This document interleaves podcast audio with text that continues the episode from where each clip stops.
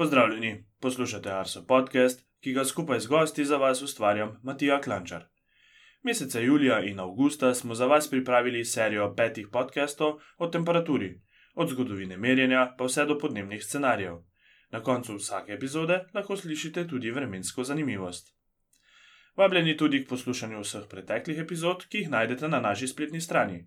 Najdete nas tudi na družabnih omrežjih, na Twitterju smo MeteoSi, na Facebooku pa smo Arso Vreme, kjer nam lahko pustite tudi kakšen komentar.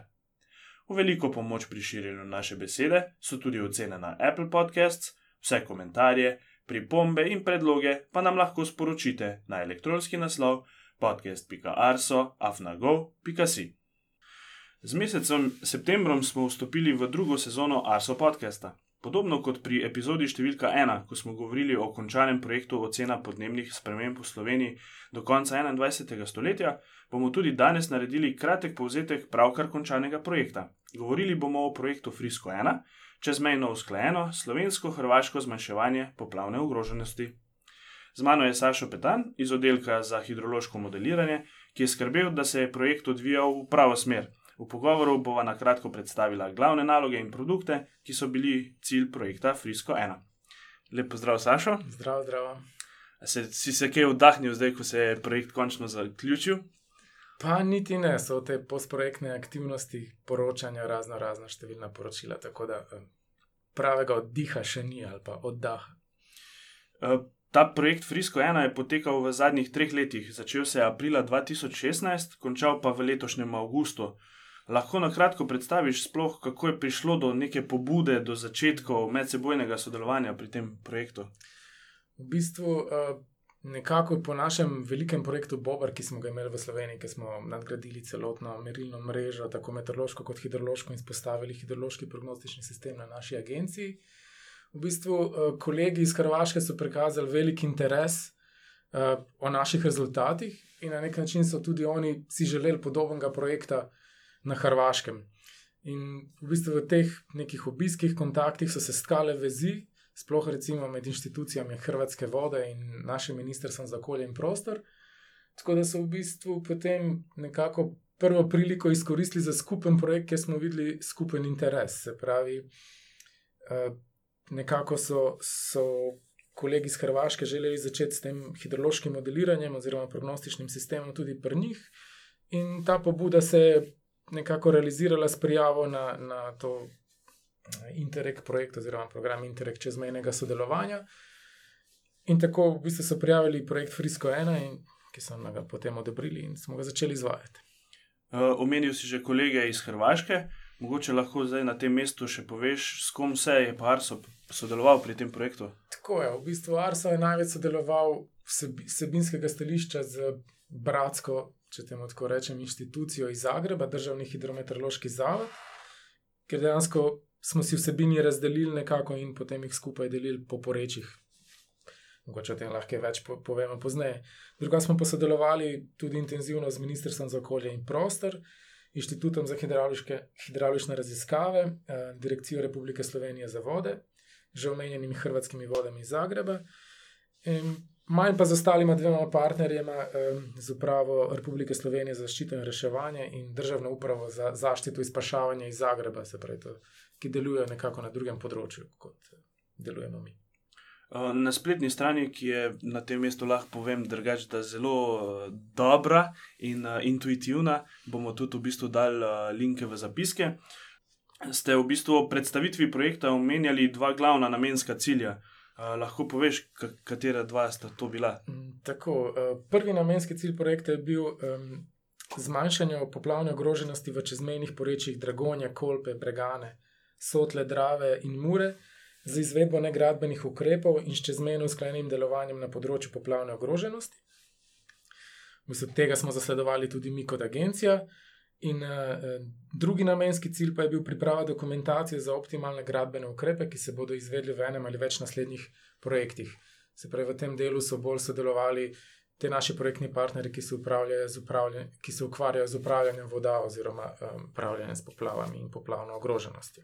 Um, ker je sam projekt v bistvu zelo interdisciplinaren, mogoče lahko poveš, kakšne naloge je pri projektu prevzel uh, naš Arso. Tako. Arso je bil odgovorni partner za dve projektni aktivnosti. Prva je bila zbiranje, upravljanje in izmenjava podatkov, ki se nanašajo na poplavno ogroženost. Se pravi, zbirali smo rečne profile, meteorološke in hidrološke podatke, prostorske podatke, topografijo.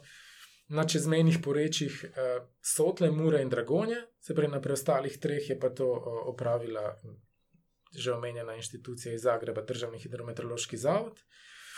In druga aktivnost je pa bila izdelava oziroma nadgradnja, eh, izdelava oziroma nadgradnja hidroloških in hidravličnih modelov, ki so del obstoječih hidroloških pronosnih sistemov v Sloveniji in na Hrvaškem, za čezmejne porečja Drave, Mure in Dragonje, za ostala tri pa, kot že omenjena, eh, Državni hidrometeorološki zavod iz Zagreba. In v tem sklopu smo nekako kot agencija videli največ interesa in tudi največ fokusa smo na to uh, dali na nek način. Moje naslednje vprašanje se bo nanašalo na te dve podnalogi, kot si jih že lepo predstavil. Uh, če greva recimo vem, na prvi razvoj skupnega urodja za porečje Dragonije, Sotle in Mure, če lahko na kratko poveš, sploh, kaj ste potem res, kaj ste, s čim ste začeli in kaj, s čim ste končali. V bistvu. Uh, Rezultat te aktivnosti uh, je bila podatkovna zbirka v podporo celostnemu upravljanju s poplavnimi tveganji uh, v porečjih.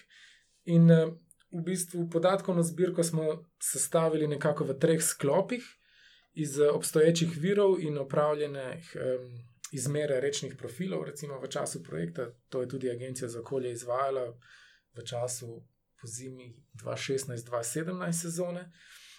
Se pravi, eh, zbrali smo v prvem sklopu podatke o topografiji, hidrografiji in geodeziji. Se pravi, tukaj smo vključili dejansko te opravljene meritve, dodali smo tudi digitalni model višin, seznam razpoložljivih spletnih servisov v podporo upravljanju s poplavnimi tveganji tudi številne kartografske prikaze smo izdelali za vsa tri porečja, za katere smo bili odgovorni. Drugi sklop v bistvu je bil eh, nabor podatkov v teh porečjih, eh, tako hidroloških kot meteoroloških, ki so v bistvu bili potem uh, uporabljeni pri izvedbi ostalih aktivnosti na projektih. Tukaj so se nekako navezali vsi ostali projektni partnerji pri izvedbi svojih aktivnosti, kot so številne hidrološke študije, ki so bile opravljene, pa um, poplavne karte in tako naprej. In tretji sklop je bil v bistvu, um, so bili GIS podatkovni sloj. V katerem smo zbrali vsi, sloven, zbrani vsi slovenski in hrvaški podatkovni sloj v podporo zopet upravljanje s podplavnimi tveganji.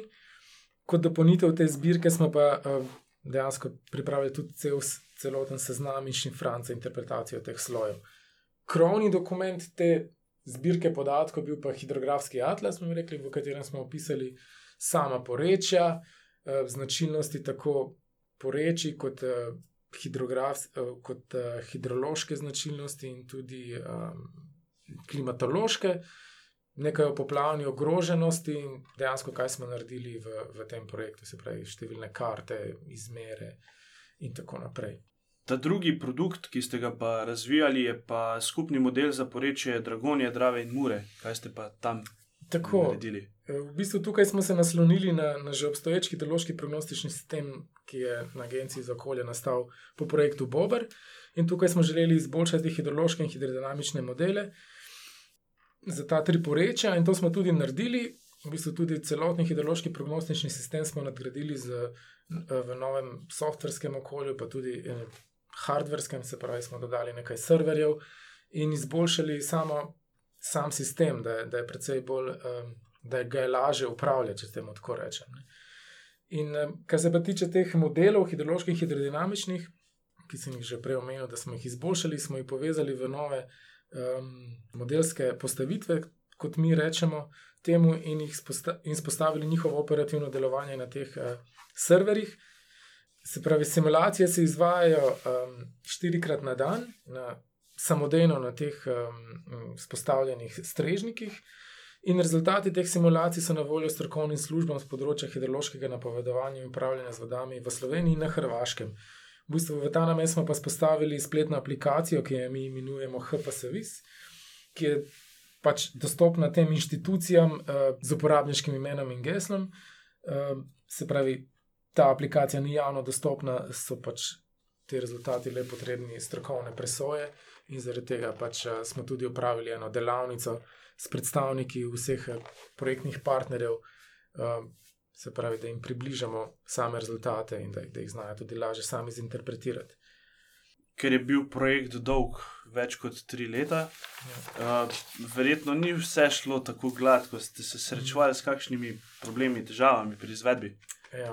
V bistvu politično korektno bi bilo reči, da so to bili izzivi, ne? ampak dejansko so bili problemi, veliki tudi od samega začetka. Se pravi, nas strokovnjake je okužil proces arbitraže o slovensko-hrvaški meji in uh, Konkretno, recimo zaradi nedorečene meje, nismo uspeli izvesti enega javnega naročila do konca. Se pravi, želeli smo posnet, uh, opraviti lider posnetek uh, na obmejnem območju Mure, in uh, enostavno se nismo dobili, se pravi, izvajalec ni dobil dovoljenja za prelet čez mejo, in enostavno na koncu tudi partnerstvo ni najdlo rešitve, uh, rešitve kako bi šli čez ta problem. Potem lahko menim tudi to, da zaradi številnih kadrovskih menjav pri vodilnih partnerjev, ki so bili, se pravi, Hrvatske vode iz Zagreba in Ministrstvo za okolje in prostor, je bilo tudi kar nekaj težav z upravljanjem eh, na projektu in posledično izvedbo projektnih aktivnosti. In zato smo na koncu prosili tudi za štirimesečno podaljšanje projekta, da smo lahko vsi partnerji uspešno zaključili uh, aktivnosti. Ne na zadnje, tudi mi na Arsu smo imeli nekaj težav uh, zaradi sprejemanja no, novih tehnoloških smernic smo dejansko zamujali z recimo, um, izdelavo to spletne aplikacije, ki sem jo prej omenil, ampak na koncu, na koncu smo se uspeli spraviti pod streho. Um, torej, malo si že nakazal, da je verjetno ta projekt končan. Mogoče kaj se bo še v prihodnje na tem uh, nadaljevalo?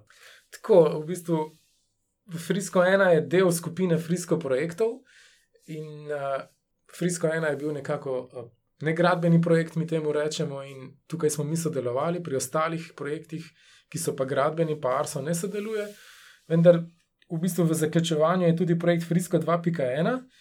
Kot že omenjeno, je to gradbeni projekt eh, in se dotika akumulacije in pregrade Vonarje, se pravi, gre za modernizacijo in odgradnjo, in naj bi se končal že decembra 2019.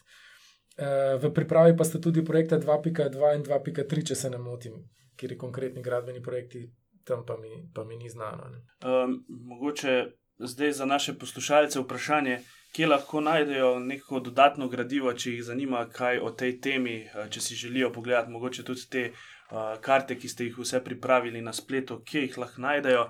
Pa le še enkrat dodajam, da bomo vse te povezave mm. tudi dodali k uh, opisu k tem podkastu. V bistvu na spletni strani Frisko 1 je veliko zbranega uh, projektnega gradiva, se pravi o teh meritvah, ki smo jih mi opravljali. Eh, do podatkovnih, delih podatkovnih zbirk, eh, teh celovitih študij, ki so jih opravili ostali partnerji. Tam je en prikazovalnik rezultatov, to je tudi kartografsko, se nekako lahko um, pristopi k tem gradivom. In uh, so tudi povezave, meni se da je tudi YouTube kanal z video predstavitvami, ki so bile narejene stališča o zaveščanju um, o poplavni ogroženosti. In uh, tudi vsak od projektnih partnerjev na svojih spletnih straneh ponuja tudi nekaj informacij o lastnih dosežkih na tem projektu zgradivi. Enako velja tudi za našo agencijo, se pravi, na, na eni od podstraneh so tudi informacije, kaj smo konkretno mi naredili. Ja, odlično. S tem smo v bistvu tudi pripeljali prvo epizodo druge sezone našega Arso podcasta do konca. Najlepša hvala tebi, Sašo, za čas in pa za zanimiv pogovor o tem končanem projektu Frisko 1. Hvala tudi tebi, Matija. Hvala pa tudi vam, dragi poslušalci, za poslušanje in pozornost. Obilo lepega vremena do naslednjič in se slišimo čez 14 dni.